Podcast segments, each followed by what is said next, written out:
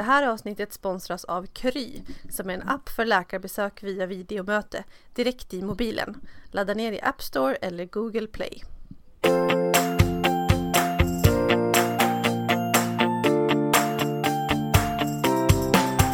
Hej och välkomna till Att Resa, podden om att uppleva världen.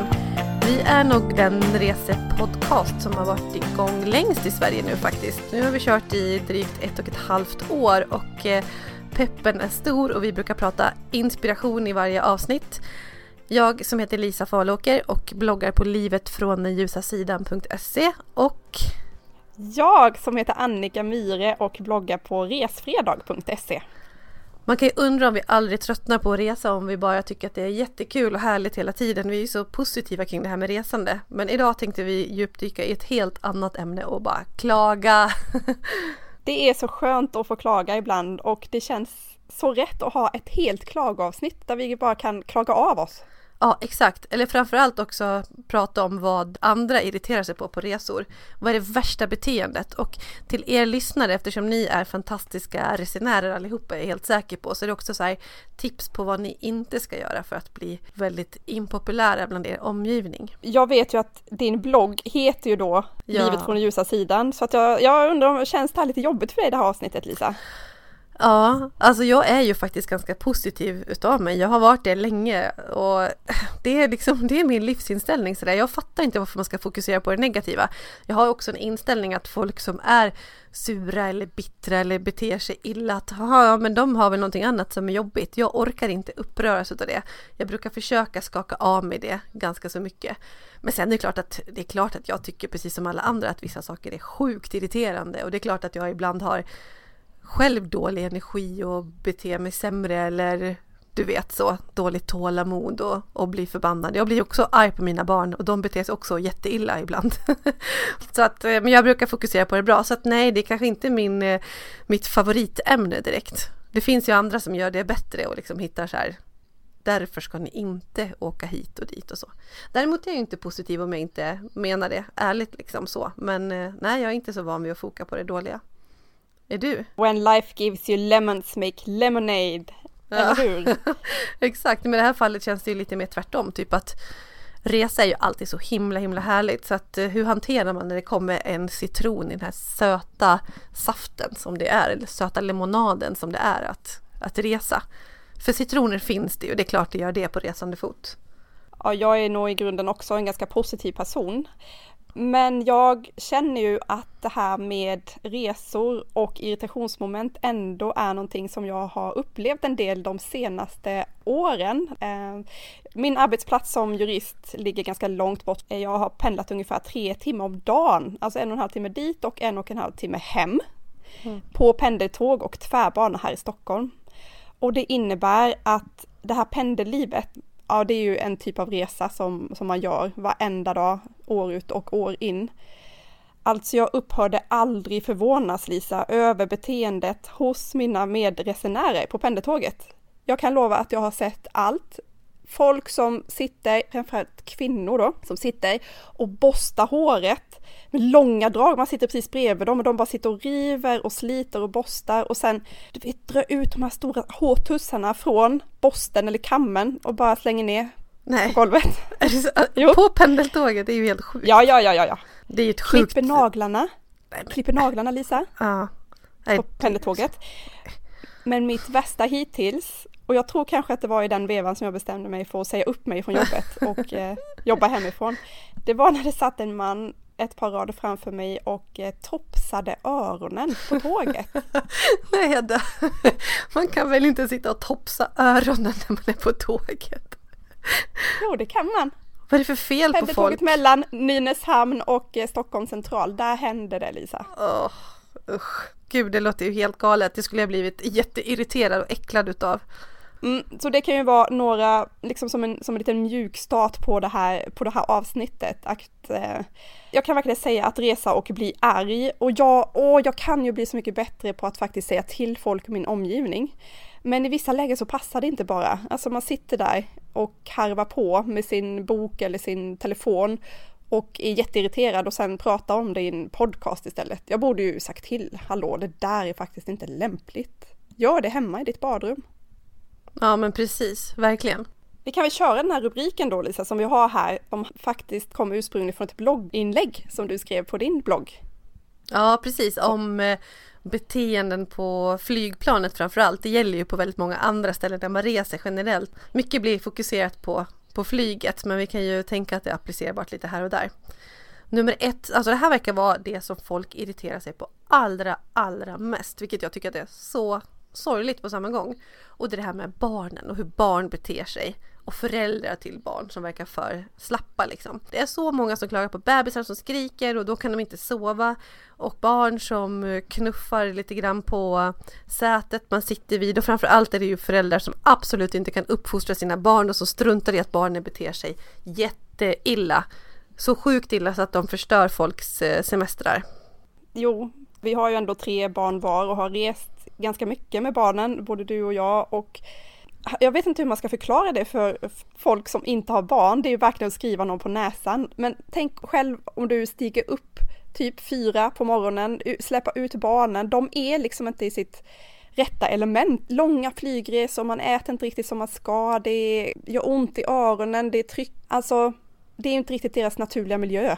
Nej precis, och ibland Alltså om de är ledsna som förälder så känner man ju igen det där. Och ibland kan det ju vara som du säger att de kanske mår lite dåligt, de är trötta, de är övertrötta. Man vet att det hjälper faktiskt inte nu att jag säger till utan jag behöver vagga och vischa och försöka få dem att komma och tänka på någonting annat eller liksom Det är så svårt det där med hur man bemöter barn som när det blir att gå riktigt dåligt faktiskt, för det gör det ju ibland. Så att, jag vet inte, som förälder om någon har det väldigt jobbigt med sitt barn som är ledset eller argt eller skriker så tycker jag så jäkla synd om de föräldrarna. Det är jobbigast för föräldrarna. Det är det. Det är ingen som vill att ens bebis ska skrika på flyget. Det är ingen som vill det. Nej, och det kan betyda så otroligt mycket med ett litet leende eller en uppmuntrande klapp eller typ kan jag hjälpa dig med något? Ska jag? Ja, för så är det ju verkligen ofta. Alltså, när man reser och ibland själv med barnen, man är på något tåg och man har en massa väskor och man har två barn och någon börjar protestera och så får man någon som tittar så här surt på en. Man vill bara, men hjälp mig istället. Jag har det jättejobbigt här. Det vore så himla hjälpsamt om du kunde hjälpa mig att lyfta ner min väska från bagagebandet för just nu måste jag hålla i mina två barn som vill springa åt ett varsitt håll. Ja, jag har faktiskt en liten anekdot på just det du pratade om där. I våras när jag skulle åka tåg hem från Karlskrona till Stockholm var en del förseningar, det var två byten. Min pappa hade precis dött så jag var helt, du vet, sådär bara som en sträng. Och då skulle vi, vi skulle byta tåg, jag hade alla barnen med mig. Vi var tvungna att gå igenom en tyst kupé för att komma till våra platser. Alltså det fanns inget annat val, jag kan liksom inte gå runt hela tåget utan vi var tvungna att gå igenom den tysta kupén. Jag tror att vi var där inne, säg max 30 sekunder då, en minut eller så. Och Nelly fick världens bryt. Hon ville, hon ville bara inte vara i min famn och hon, hon skrek och bråkade och jag var helt genomsvettig och alltså jätteangelägen om att hon skulle vara tyst för att inte störa någon. Då sitter det en kvinna i tåget i den här tysta vagnen. Alltså hon, helt i protest så satte hon sina händer framför öronen. Alltså hon höll för öronen med sina händer och tittade på mig. Nej. Ja? Det kan man inte göra. Jag vet inte om jag ska skratta eller gråta. Vad är det för folk?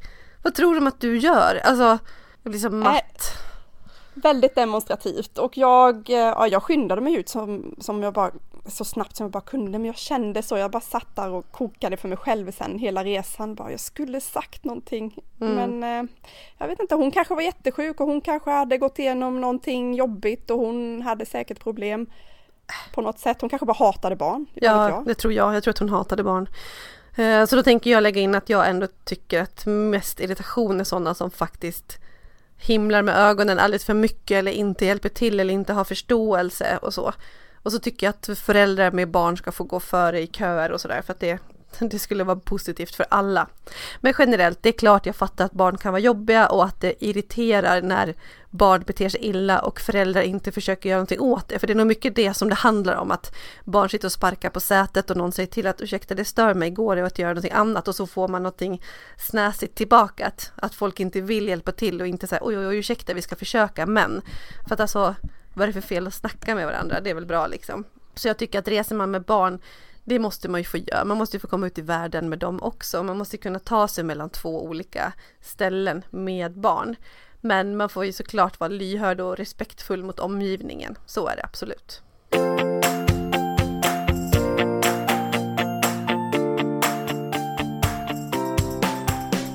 En punkt som jag kan störa mig på väldigt mycket, det är folk som luktar. Mm. Alltså det spelar ingen roll egentligen om de luktar illa eller alldeles för gott. Jag vet att jag nämnde det här i något avsnitt för inte så länge sedan. Uh, när jag satt bredvid någon dam som hade sprayat på sig en hel parfymflaska. Mm. Genom taxfree och bara prova varenda parfym som fanns. Jag vet inte vad hon hade gjort. Duscha till parfym. Ja men det är så inte trevligt och alla allergiker också tänker jag på. Men när vi ställde den här frågan i ett forum på Facebook så var det någon som skrev att de hade hamnat bredvid en person som plockade upp och käkade hamburgare och pommes frites i sätet bredvid. Alltså det luktar fruktansvärt. Det hände mig faktiskt förra veckan på bussen här ute i Nacka. Att det satt en kille, typ, men du vet han var väl i 15-årsåldern och plockade upp en McDonalds-påse med eh, typ cheeseburgare och pommes frites. Och det luktade så fruktansvärt illa just där och i den situationen och det var lite extra varmt på bussen den här dagen. Jag fick lov att byta plats för att jag mådde så dåligt och på ett flyg bredvid. Mm, alltså jag kan ju tycka att man kan ta med sig lite mat hemifrån just för barnen för att eh, kunna undvika det humöret som vi pratade om innan. Med hamburgare och pommes frites som vuxen på ett flyg, alltså nej. No, no. no, no. Nej, helst inte. Ja, så tänk på, tänk på att lukta neutralt när du reser.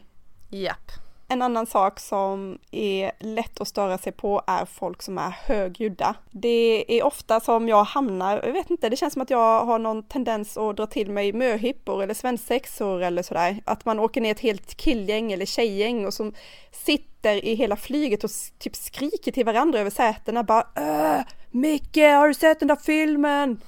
alltså, så gör man inte heller. Nej, faktiskt lite lagom.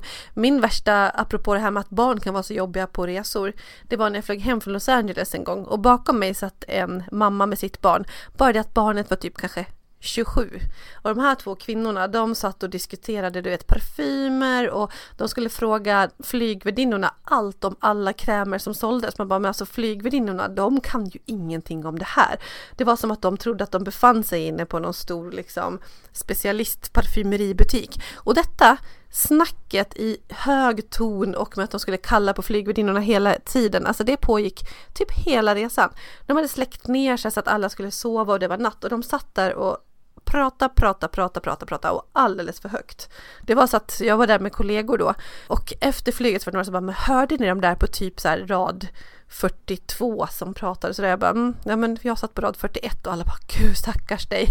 Ja, så högljutt, nej, nej, nej. En sak som ändå hör till just med högljutt är väl folk som blir riktigt berusade på planet. Då går ju ljudnivån upp. Mm, men just det här med att sitta och vara riktigt stupfull på flyget. Jag vet inte, jag, jag förstår att folk kanske är lite flygrädda och vill dricka en del för att lugna nerverna. Men ja, det finns ju också de som, som tar sin första öl på morgonen på Arlanda vid fyra för att kicka igång resan.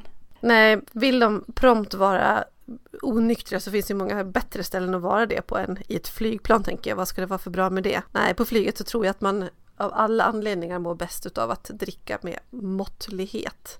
Men jag tänker också på att sitta så här hosta högt, du vet hosta och nysa och så här. Ja, det tycker jag är obehagligt. Och varför kan inte folk bara nysa i armbågen? Alltså folk som hostar och nyser i handen. Det är bland det äckligaste jag vet. Och sen torka av sig på sätet bara, mm. Ja, eller bara inte tänker på det. Bara nu har jag nyst i min hand, det var väl inget mer med det. Men den handen använder du till allt sen. Hälsar på folk, tar i så här armstöd och låt bli och nys i handen. Det är ju helt sjukt ju. Nys i armbågen. Och det här är ju inte alla som tycker för att det här är typ 50-50 hur man gör. Så att nu sticker jag ut hakan och försöker lära er någonting här nu. Armbågen, Bra Lisa, jag ska tänka på det nästa gång. Ja, exakt. Men apropå det så kan vi prata lite grann om vår sponsor Kry som ju är en app för att träffa en läkare direkt via videomöte i din mobil. Och just det med virus på flygplanet. Att sätta sig på flyget och vara sjuk. Vart går gränsen där? Det är ju liksom inte okej det här med högljutt hostande och att man känner att det är... Fast, fast samtidigt så måste ju, man måste ju få flyga med förkylning såklart. Nästan med en influensa också. Men vart, vart går gränsen? Vad tänker du? Jag frågade ju faktiskt den eh, frågan till Johan som är läkare på Kry när jag träffade honom. inför vårt avsnitt som handlade om att resa och bli sjuk. Och han sa just om, liksom var går gränsen för när man faktiskt kan flyga? Då sa han om man vaknar på morgonen och känner att man är så sjuk så, så att man inte hade gått till jobbet den dagen, då ska man heller inte sätta sig på ett plan. Just det, men det handlade också lite grann om att om man blir ännu sämre när man är på destinationen så kan det komma problem vad gäller försäkringar och vad man har rätt till för hjälp och sånt där. Så det är lite det man ska tänka på också och inte bara sin omgivning. Äh, det där är ju en avvägningsfråga för det kan ju också vara så när man vaknar vet jag att man känner sig mycket, mycket sämre och sen när man väl stiger upp och tar en dusch och liksom duschar av sig så kan det kännas bättre. Ja, ja men det finns inte jättemånga sjukdomar som skulle få mig att helt stanna hemma. Men man kan ju ringa och överlägga med sin läkare genom Kry-appen. Det ligger ju nära till hands att, att få snabb hjälp innan man ska åka så man kan få ett expertutlåtande innan man sätter sig på flyget. Men sen tänker jag såklart på vattkoppor, är en sån här klassiker. Det får man ju absolut inte flyga med. Kräksjuka kan jag tycka också är mm, inte riktigt rekommenderat. Nej, och det har ju jag varit med om några gånger. Inte att jag själv, men att jag har flygit på flyg där eh, personer har suttit på toan precis hela flygningen. Hem från mm. Thailand nu så, så var det någon som ockuperade, alltså han var så sjuk. Ja. Och man bara hörde hur, ja jag ska inte gå in på detaljer, men det var en väldigt jobbig flygresa för den här mannen. Ja. En annan sak som ofta kommer upp och som verkar vara ett av de absolut största irritationsmomenten är folk som tar lång tid på sig i mittgången. Alltså vet, när planet ska bådas då känner man att det är lite bråttom, att de vill ju stänga igen och få klart i planet så att de kan taxa ut och åka enligt den tid som man har blivit tilldelad. För att om man inte hinner med den avgången som man har som, som flyg, vilket, ja, när man ska få komma iväg helt enkelt, så kan man bli väldigt försenad. Så det är ofta lite bråttom. Och just det där med människor som står i mittgången och håller på med sitt handbagage och det ska plockas ur lite saker som man ska ha och man tar god tid på sig och ingen kommer förbi. Det verkar folk bli otroligt irriterade på. Ja, men det där får man ju faktiskt planera innan man stiger på planet. Ha en tydlig, kanske till och med plocka ut de grejerna som man behöver. Eller i vart fall vänta tills planet har lyft och sen köra det racet och rota igenom väskan. Ja, verkligen. Och samma när man ska av också. Då släpper man av i turordning. De som sitter framför får gå först. Det låter man folk gå före. Och man tar ner sin väska lite snabbt liksom, få ihop det där, tänker jag. Jag, jag irriterar mig inte jättemycket på det här ändå. Liksom, jag tycker inte det är så farligt. Men generellt, våra lilla minigallup visar ju att det är någonting som folk verkligen blir irriterade på. Ja, det beror nog på vad man har för humör på början. Har man ett gäng skrikande barn med sig dessutom så kanske det ökar på irritationsmomentet. Ja, men precis. Ehm, det här med stolsryggen då, det är också en grej som folk kan irritera sig på väldigt mycket, verkar det som. Att man fäller tillbaka stolsryggen väldigt hårt och bryskt och utan riktigt ha någon tanke på den som sitter bakom. Nej, men hur är det här egentligen då? Vad säger liksom regler? Vad är uttalat? Ska man fråga innan? Gör du det? Nej, Nej. jag smyger ner den jättesakta. Mm. Alltså, jag kolla, jag brukar faktiskt vända mig om och kolla om folk, alltså om den personen bakom mig sitter och äter mat, då fäller jag ju inte ner i mitt säte. Mm. Det gäller att ha någon slags förståelse för hur situationen ser ut. Om personen sitter och läser en bok så kan jag bara smyga ner. Men som sagt, sitter de med en matbricka då kan man inte fälla ner utan att ha koll på vad som händer bakom. Nej precis, men då är vi lite i samma lag där och vissa tycker ju absolut att det är väldigt ohyfsat att inte fråga. Ja, jag känner lite att det är ju byggt så i flygplanen. Du har din stol. Stolen går att fälla.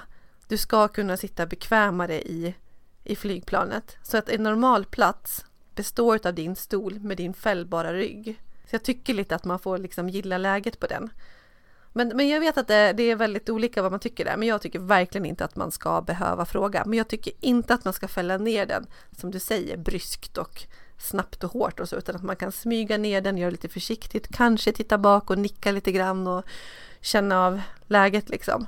Men jag skulle aldrig be om lov, det skulle jag faktiskt inte göra. Nej, jag har också blivit lite mer förstående sen jag träffade min man som är väldigt lång och det vet jag att din man också är. Mm. Eh, Tobias är ju jättelång och om någon fäller ner sätet när han redan sitter med typ inget utrymme alls för knäna, då, då dör han typ säger han. Alltså mm. då, det, den flygresan blir bara katastrof för honom. Mm. Vilket innebär i och för sig att han nästan alltid bokar plats med extra benutrymme.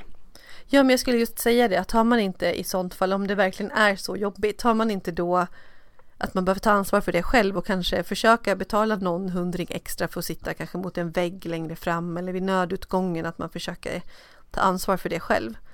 Eller i alla fall sitta vid gången så kan man liksom ha lite utanför när det inte kommer vagnar och sådär, eller? Jo, de får faktiskt skylla sig själva att de är så långa, tycker jag.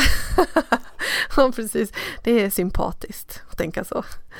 Ja. Men annars är det ju också irritation det här med knän och puttar i ryggen och det kommer väl in med barn igen som kanske gör det lite grann så att de har svårt att sitta still och de tänker ju inte att det, att det påverkar någon annan. Och det är klart att ha knän och puffar i ryggen, nej men det är inte, det är inte trevligt men det är samtidigt helt lugnt och, och tyst kan det inte vara. Flygplan är trånga. Ja, det är ju inte naturligt att sitta bredvid någon i vanliga fall med typ en centimeters mellanrum. Tänk vad, vad obekvämt det är för våran svenska mentalitet att sitta sådär. Exakt. Inte konstigt folk blir irriterade på saker. Nej. Med tanke på att man befinner sig i en sån himla obehaglig situation på väg till semester. Mm. En annan sak är att tränga sig av eller på planet för den delen också.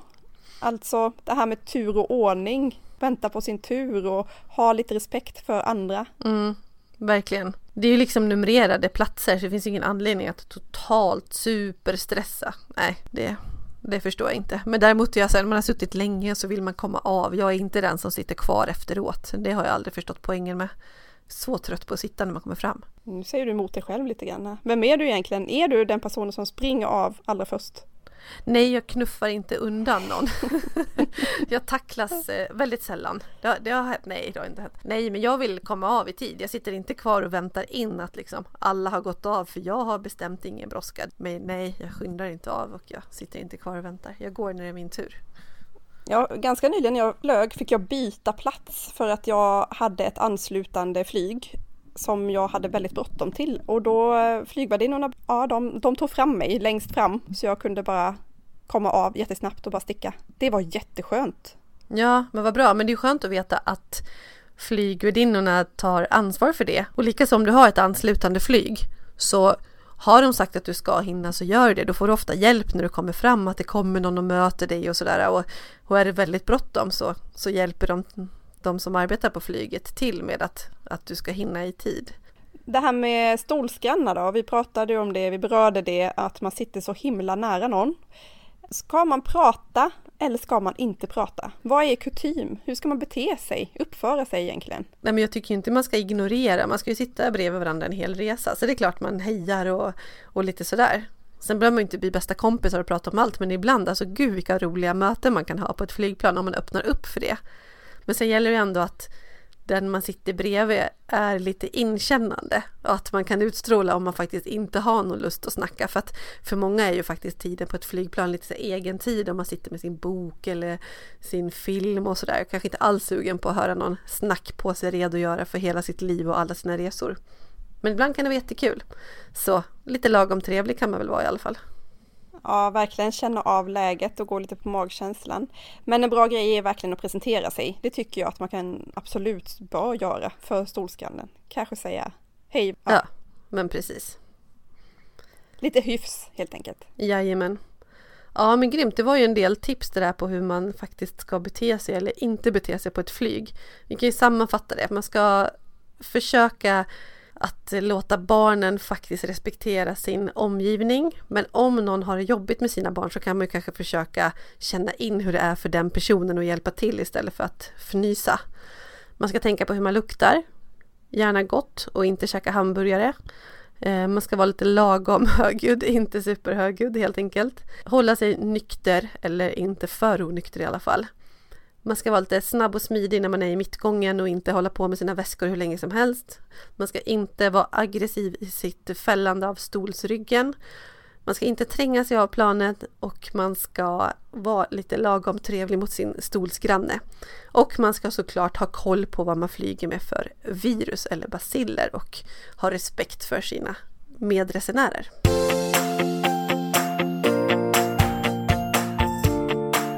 Man väl kommer fram till destinationen som man har längtat efter och tagit sig igenom den här långa och jobbiga resan, om det nu är på tåget eller med flyget eller med bussen. Du är framme, du åker med någon. Du har ett resesällskap med dig, en kompis, din eh, partner, dina barn, din mamma. Nu står vi inför ett eh, nytt problem. Irritation på resesällskapet, att bli arg. Brukar det bli det? Jag försöker faktiskt att boka in resor med folk som jag vet funkar med mig. Det är ett väldigt bra tips att börja i den änden och faktiskt bara resa med personer som man vet att man fungerar med i vanliga fall. Vet du med dig att du har en kompis som eh, ni drar liksom inte riktigt åt, åt samma håll, då tror jag inte att det är en jättebra idé att boka in en resa på tu hand med den kompisen. Nej, precis. Alltså, resor ska man ju njuta av. Det är inte värt att spilla energi på att folk gör på sätt som man inte gillar eller vill göra andra saker om man inte är beredd att kompromissa och så. Så så är det ju faktiskt. Jag reser personligen väldigt, väldigt bra med mina syskon. Vi vill ungefär samma saker och ha uh, samma uppfostran så vi tänker ungefär likadant om saker och ting. Och eh, Tobias då, min man såklart. Men inte alltid Lisa. Inte alltid? Nej, nej. Det, det, finns, det finns en specifik resa som är så här, den här resan är inte vår bästa resa tillsammans. Och eh, det var när vi skulle åka till Sicilien. Jag var nygravid med Sebastian, vårt första barn, och var lite lätt stingslig. Och inte så himla trevlig tror jag att jag var under den här resan.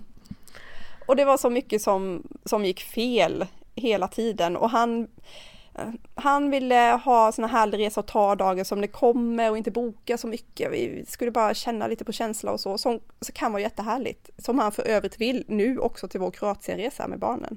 Mm. Hur ska du hantera det? Nej men nu, nu, är jag ju, nu vet jag ju vad som gäller och jag tror att det kan bli jättebra. Men eh, den resan som nygravid, nej inte bra. Jag var, det var ingen, det var inte vår bästa resa tillsammans. Nej men det, så kan det ju vara förstås ibland. Absolut. Men jag tänker att en annan sak som man kan irritera sig på i sällskapet kan ju vara lite grann det här med pengar och utlägg och så. Det kan vara lite svårt ibland. Eller hur känner du? Brukar det alltid flyta bra för er när ni är i större sällskap och så? Jag kan ju inte svara på den här frågan. för att det är kanske någon som lyssnar på podden. Nej, inte alltid funkar det inte jättebra. Nästan alltid har det gått bra, men det är kanske när jag reser med folk som jag inte känner så väl. Och det är vissa personer som alltid lyckas på något sätt undvika att betala notan.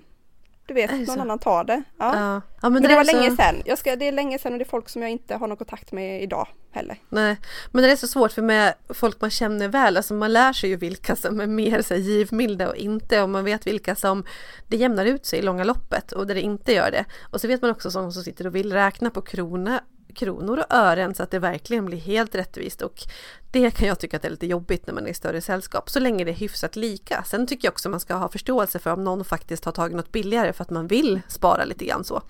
Men jag tänker faktiskt ge en rekommendation. Har jag pratat om den här appen tidigare som jag använder? Inte i podden va? Jag, jag känner igen den, du kanske har sagt det till mig, men ta Nej, den igen. Ja, men den är jättebra. Det, ja, men absolut, Nej, men för att det är så himla bra. Det finns appar nu till smartphones. Jag har kört en som heter Kostsplit, men det finns flera olika. Och där kan man lägga in alla personer som är med till exempel på en resa. Så då kanske du skriver att nu åker vi till Marbella och vi är 14 personer på resan eller någonting. Och så lägger man in alla där och man får en inbjudan så man ligger i samma grupp. Och så fort någon köper någonting och gör ett utlägg så lägger man in det utlägget i appen.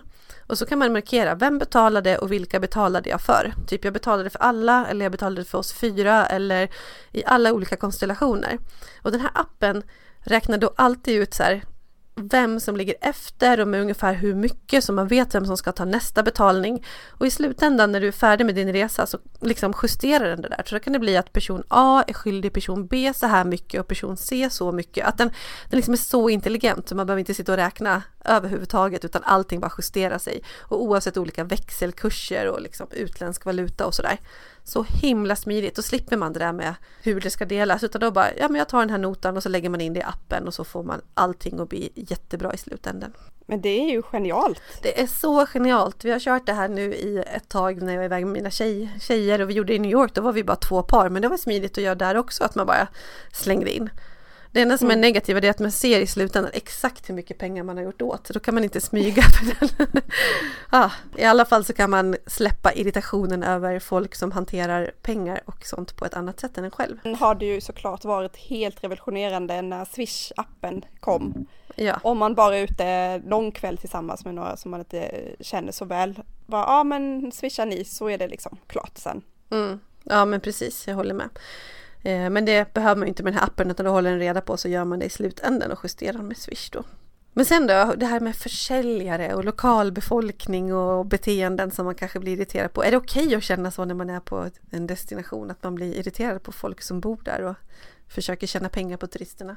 Det där är ju en jättelurig fråga alltså, för att självklart alla de här strandförsäljarna som går på stränderna, de, de tjänar sitt uppehälle på att vi turister är där. Och de vet ju inte om det har kommit kanske 10 000 personer innan den och frågat om du vill köpa en sarong. Så att det är klart att det kan kännas irriterande, men du kan ju också välja var du lägger dig, vilket resmål du åker till. Åker du till exempel till eh, vissa stränder i Thailand så finns det inga strandförsäljare alls.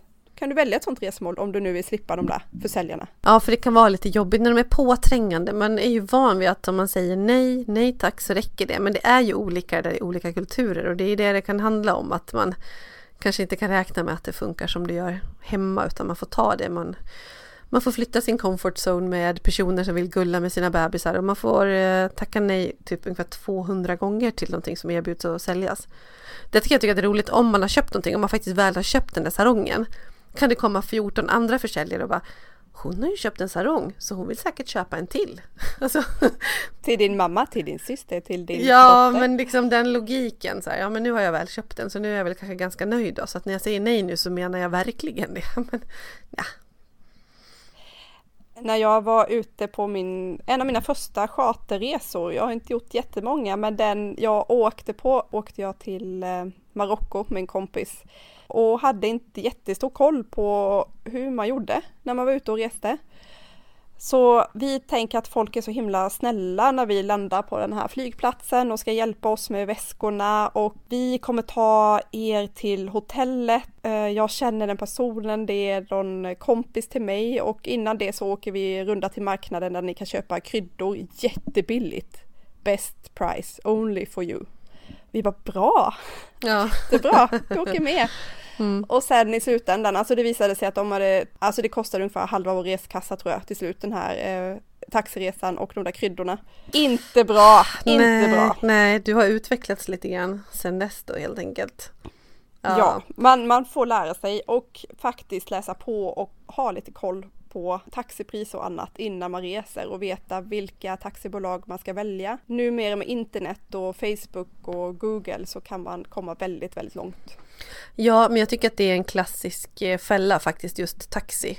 Att det fungerar så olika på så många olika ställen. Och dessutom just det här när man landar första gången på en flygplats och vill ta sig till stan, att veta hur man gör det, för att det är så himla lätt att man går i den fällan. Jag har gjort det supermånga gånger och jag gör det fortfarande. Att jag kan säga, just det, nu har jag inte kollat upp hur man faktiskt gör. Äh, men skitsamma, jag orkar inte. Och sen är det såklart att man har betalat något överpris eller någonting, men jag, ja, ibland blir jag lite lat där. Men det irriterar mig. Och just taxi, nej jag gillar inte när det känns som att jag blir lurad där. Verkligen inte. Sen gillar jag inte generellt såklart att irriterad på saltade turistpriser. Alltså när turisternas saker är dyrare. Det kan nästan vara så här någon gång jag satt mig i något land och kollade på en meny och så kommer någon och bara nej nej, alltså det är inte på den sidan, du måste vända på den. Där har du turistmenyn. Alltså då är det helt andra priser på samma saker. Ja, det fanns verkligen en, en meny för turisterna och en för Ja, ja, ja. lokalbefolkningen. Absolut. Nu kommer jag inte ihåg vart det här var, det var länge sedan, men ja, ja, så är det absolut på vissa ställen. Ja, å andra sidan så har vi ju pengar. Ja men det är ju så. Och eh, då kanske man inte kan klaga allt för mycket. Nej men sen tänker jag generellt på någonting som irriterar mig och som också någon eller flera svarade när vi pratade om vad som irriterar och bland annat Dryden som vi brukar prata om, vår resebloggkollega och kompis eh, som ofta skriver om så här sura, lite negativa saker. Den arga resenären skämtar ju han lite, man är ironisk, han är superroligt, verkligen. Men han i alla fall nämnde det här som är Jaha, men har du varit där nu? Okej. När jag var där för 15 år sedan, då var det minsann äkta och jaha, åkte du inte till den tiden av ön? Nej, nej men då har du inte sett det riktiga Zanzibar. Men okej, du hade säkert jättebra där, men eh, okej. den där jämförelsen, resesnobbismen, den är ju faktiskt ganska irriterande, eller? Ja, och raljerande. Ja, Man kan ju känna att man bara vill sjunka genom jorden för att nej, men då räknas kanske inte riktigt det som jag gjorde. Och eh, det här får ju vi jobba på en del när vi snackar om, om charter faktiskt. Det kan låta som att vi ibland snackar ner det och så är det inte för att alla vill ha sin specifika del av resan Ja. och resande och det betyder inte att någon resa är bättre än någon annan. Det ska man verkligen vara medveten om. Absolut, men nu när du ändå har det på tråden, jag håller såklart med dig om det, det gör jag. Men apropå charter, Paxa solstolar. Det skulle jag ju ha sagt före det här med barn och folk som inte hjälper till och eh, massa annat. För ärligt talat, Paxa solstolar och att man får Paxa solstolar. För det blir ju såklart ett beteende som folk faller in i om det finns möjlighet att göra det. Jag kan säga att när vi var på kryssning då fick man ha sin stol i om det var 20 minuter eller någonting och annars kom de och rensade undan handdukar. Och det negativa med det kan ju vara om det blir massa extra tvätt, att man hämtar ut nya, men det avhjälps ju genom att man får checka av hur många handdukar man har tagit och faktiskt kanske inte böta, men att det finns något sätt att följa upp hur många handdukar du har tagit och hur många du lämnar tillbaka. För ärligt talat, hotell och andra ställen där det finns pool, de måste kunna hantera att folk inte går ner och paxar solstolar på morgonen. Gud! Är, är det någon som lyssnar och paxar solstolar på era resor? Tänk om! Lägg Snälla! av!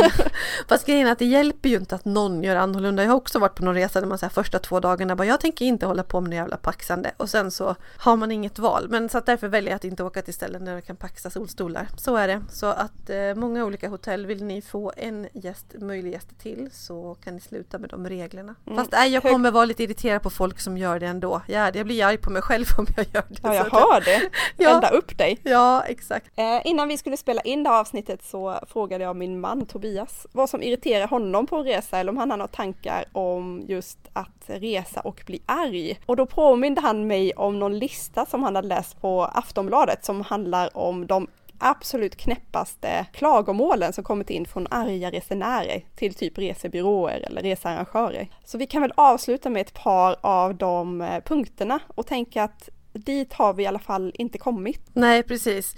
Det är ju så roligt vad folk kan eh, klaga på för någonting. Vi var tvungna att stå i kö utomhus för att komma med båten och där fanns ingen luftkonditionering.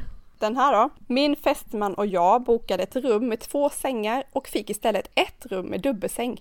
Nu är jag gravid och jag tycker att ni bär ansvaret för detta. Hade vi fått det rum vi bokat hade det här aldrig hänt. Ingen berättade att det fanns fiskar i vattnet. Våra barn blev rädda. Det var så många spanjorer där, receptionisten pratade spanska och maten var spansk. Ingen hade sagt att det skulle vara så många utlänningar där. Jag blev biten av en mygga. Det stod inget om myggor i broschyren. De borde inte tillåta att man solar topless på stranden. Det var väldigt distraherande för min man som bara ville ta det lugnt. Vi köpte Ray-Ban solglasögon för 5 euro av en gatuförsäljare, men de visade sig vara oäkta. Alltså jag vet inte om de här... Är de eh, sanna? de, nej, alltså det låter nästan för bra för att vara sant. Ja. Men eh, jag lovar dig att det har kommit liknande klagomål. Just de här kanske är lite saltade, Ja, vad vet jag. kanske. Men vi avslutar i alla fall där. ja, men det gör vi. Och så tänker vi att irritationsmoment på resor är ju ändå bara små citroner i den här härliga lemonaden som är hur söt och härlig som helst. För att vara på resande fot det är underbart och ska man lägga energi på någonting så är det väl sitt eget beteende för det kan man förändra och anpassa och inte på folk runt omkring en. Nej, det låter som en bra sammanfattning. Och eh, vi vill såklart också passa på att tacka vår sponsor Kry som är med och sponsrar oss under en längre period. Tack så mycket och tack för idag och vi hörs av igen om ett par veckor. Det gör vi. Bra. Hej då! Hej, hej.